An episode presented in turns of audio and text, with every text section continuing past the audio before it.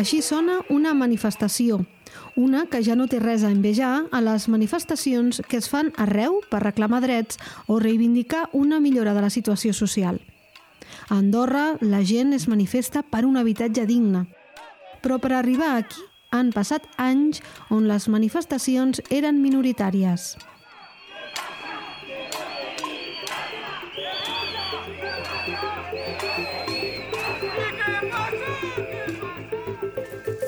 Com ha après Andorra a manifestar-se?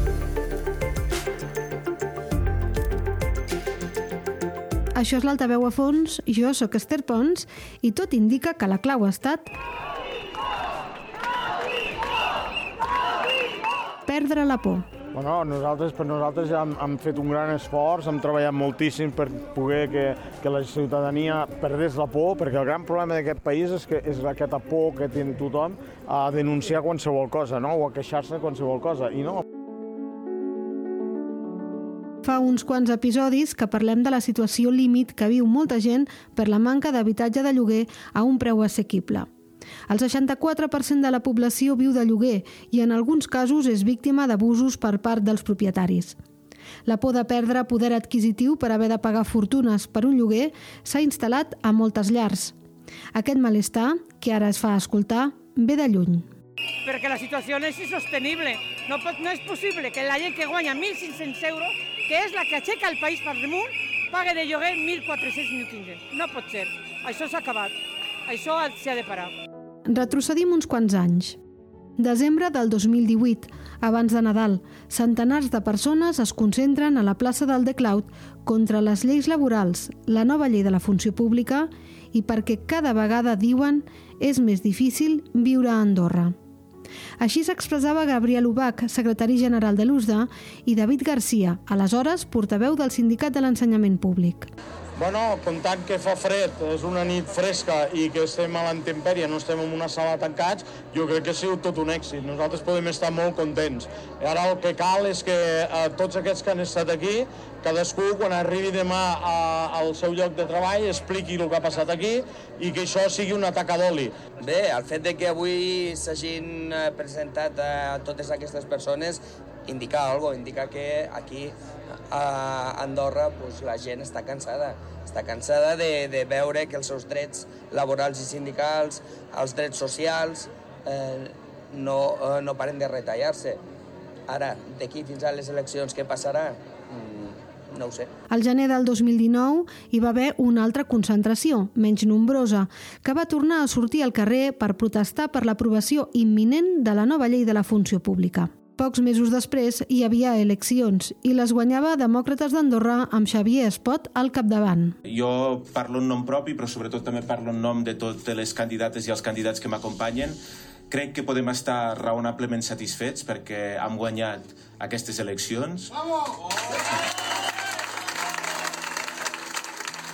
Per dia la majoria absoluta I, I no només les hem guanyat, sinó que a més a més jo crec doncs, que vista la distribució eh, d'escons que s'alvira, doncs, eh, difícilment es pot conformar una majoria parlamentària que no passi doncs, per demòcrates i independents. Per tant, jo crec que aquesta també és una molt bona notícia. però amb un acord de govern de coalició amb liberals i ciutadans compromesos, va governar còmodament quatre anys més.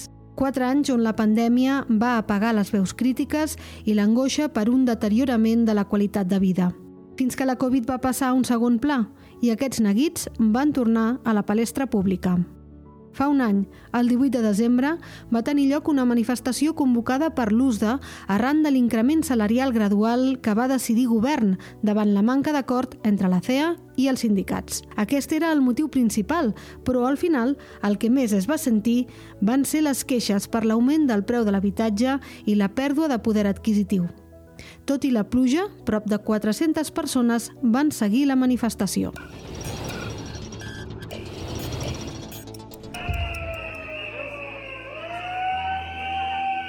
Esport, escolta, el poble es revoca. tinc 26 anys i sóc andorrà de tota la vida i visco amb la meva parella en un pis de lloguer pagant una barbaritat amb un sou indigne. Que n'hi ha prou d'aquest tracte! Porto 17 anys a Andorra, el meu marit més de 30.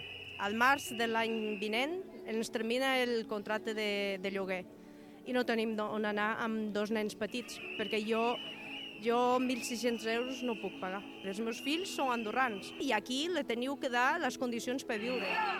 De llavors ençà, la situació no ha millorat i el 31 d'octubre una concentració organitzada des de la ciutadania i sense cap sindicat al darrere va sorprendre tothom aplegant un miler de persones.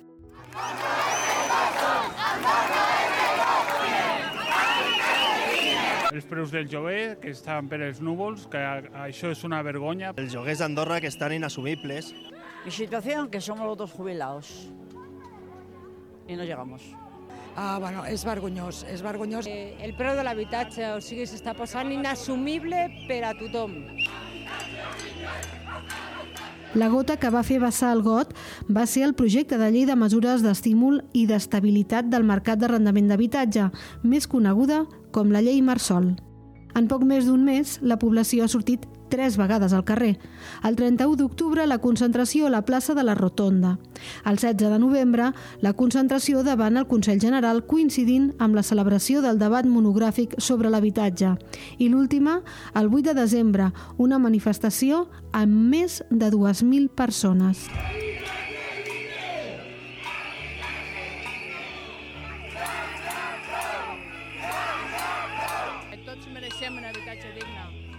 Cosa per la que s'ha de lluitar, el tema dels lloguers, i no pot ser que estiguem en la situació en la que estem, és una vergonya. Doncs he vingut a la manifestació perquè no vull marxar d'Andorra, és casa meva i vull viure en un pis normal i amb un preu normal. Què passa? Què passa? Que no tenim casa. Perquè, perquè el govern se'n doni compte de les injustícies que tenim, de, de la situació que la gent té que viure amb uns lloguers tan alts i, i uns sous tan baixos que no podem tirar endavant. La gent està al carrer perquè n'està farta. Hombre, porque no considero que està bé la pujada del lloguer i tot això, i al final, si no podem pagar un lloguer, tenen que marxar del país. I a mi el país m'agrada, o sigui, és un país que s'està bé, i me sentaria molt malament tenir que marxar del país per no poder pagar un lloguer. Com ha après Andorra a manifestar-se i, sobretot, per què? N'he parlat amb la cara visible de la coordinadora per un habitatge digne, convocant d'aquesta manifestació. És Joan Ramon Crespo.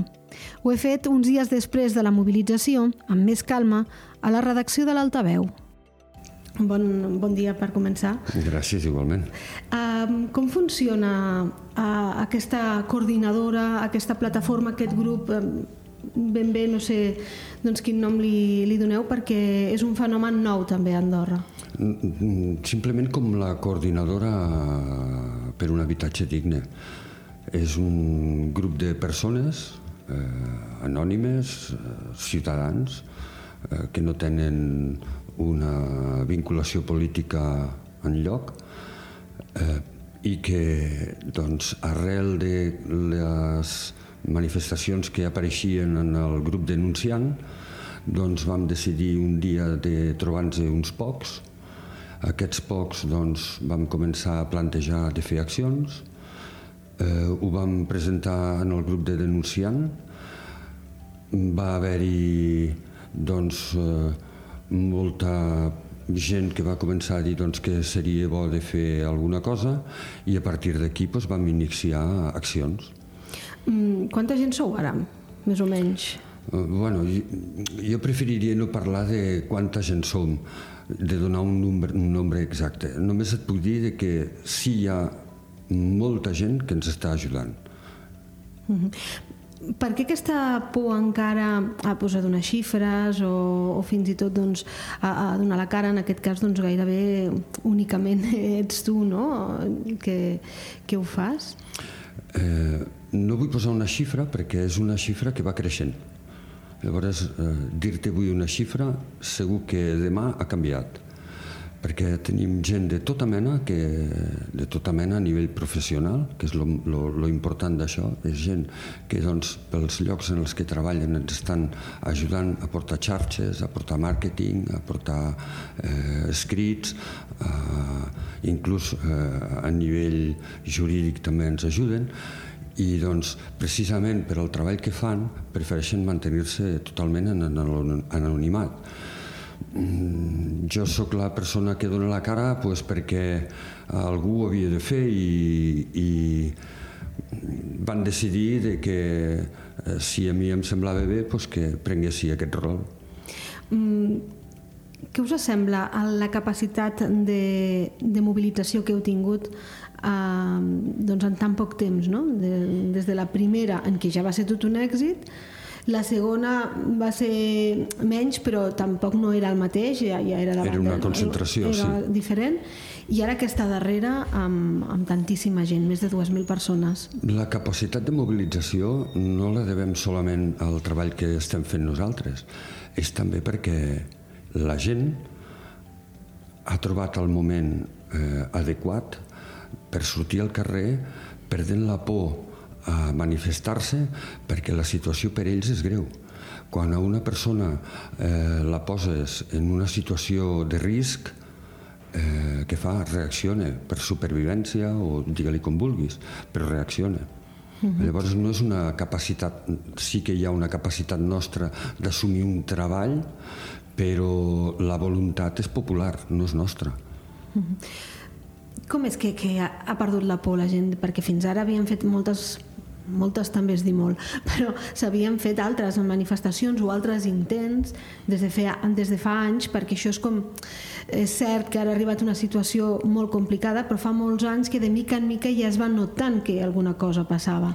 Però mai hi havia hagut doncs, aquesta, aquesta capacitat o, com dèiem, doncs, aquesta pèrdua de la por de sortir a, a manifestar-se. Uh, ha canviat alguna cosa o el que ha canviat és que la situació s'ha agreujat? És que la situació s'ha agreujat, és el que et deia abans. Quan tu a una persona la poses en una situació de risc, aquesta persona és quan reacciona.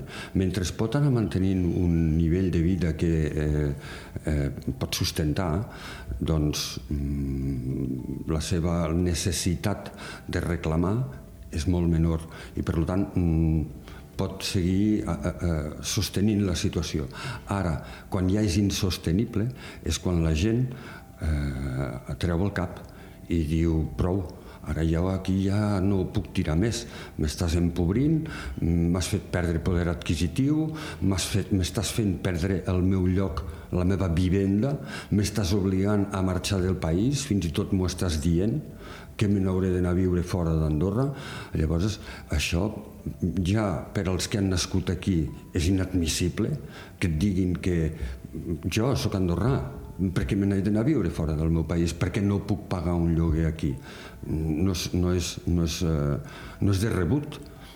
I aleshores això és el que fa que la gent doncs, hagi perdut la por, perquè ja no té res més a perdre.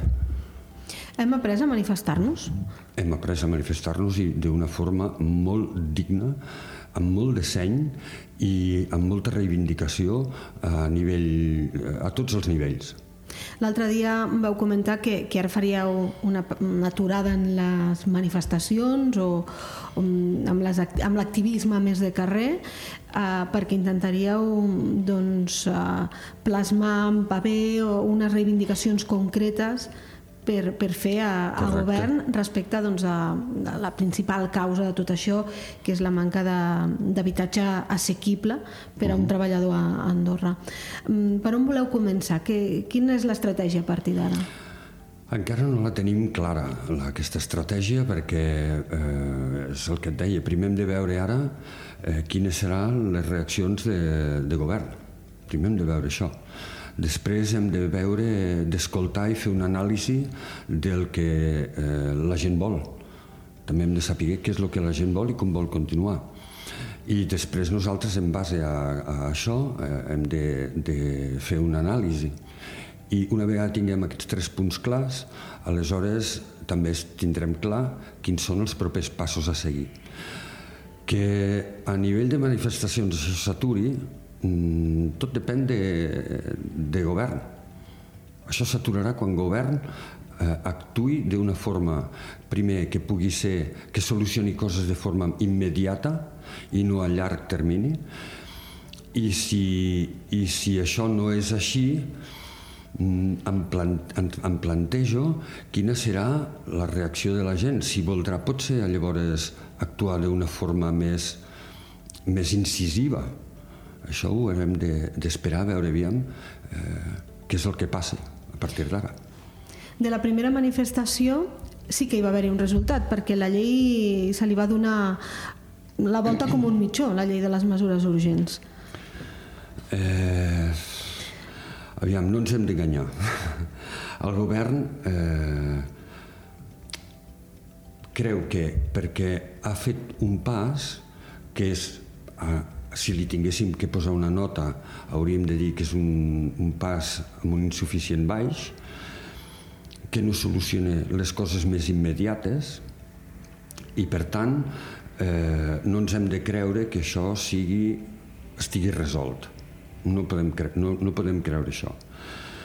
Eh, continuem tenint una fugida de ciutadans, continuem tenint un empobriment de la ciutadania, continuem tenint mancances a l'hora de, de, de trobar habitatge i això no, no, no resol realment el problema.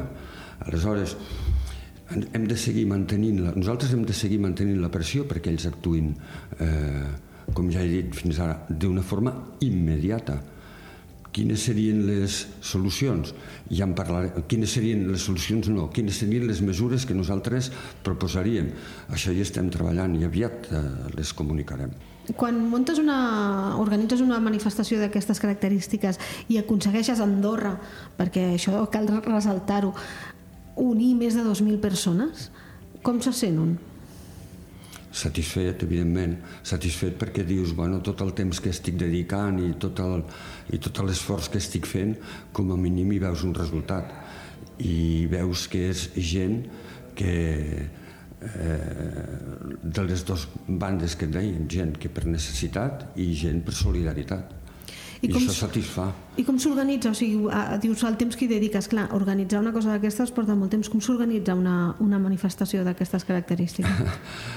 Gràcies a la implicació de molta gent que treballa també com, com, com jo mateix, que hi fiquem hores fora de la feina hores que no dediques a la família, hores que no dediques al lleure, eh, perquè tot això és molt complex de muntar, no és solament agafar i dir vinga, anem a muntar una manifestació. Sí, sí, clar, falta eh, debatre també i negociar amb, amb, amb estaments com Protecció Civil, Ministeri de l'Interior, eh, la policia, serveis de circulació, són reunions, Eh, no és fàcil trobar gent que et vulgui ajudar perquè també t'imposen que tingui, tingui que haver-hi gent que eh, t'ajudi durant el transcurs de la manifestació a elaborar eh, a, a fer de guia, a ajudar.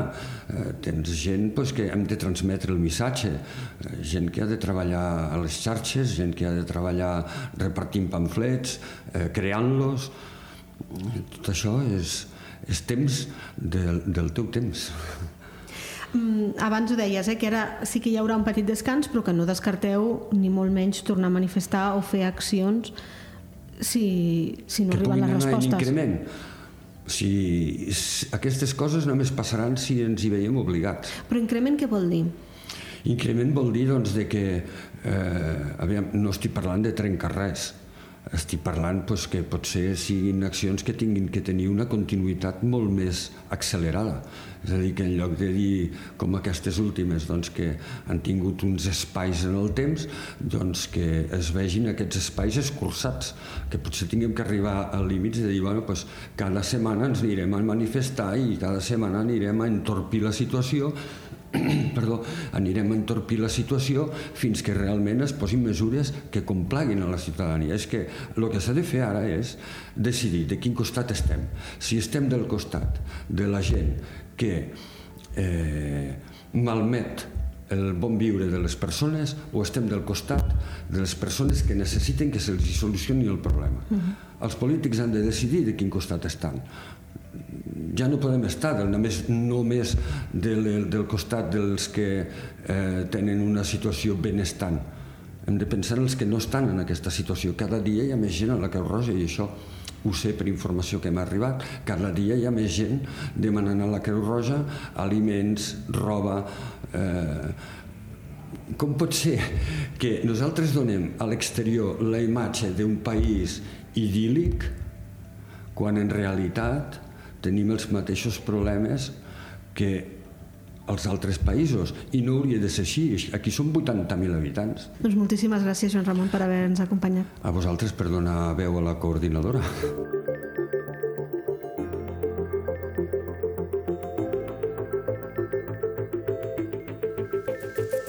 Això ha estat l'Altaveu a fons.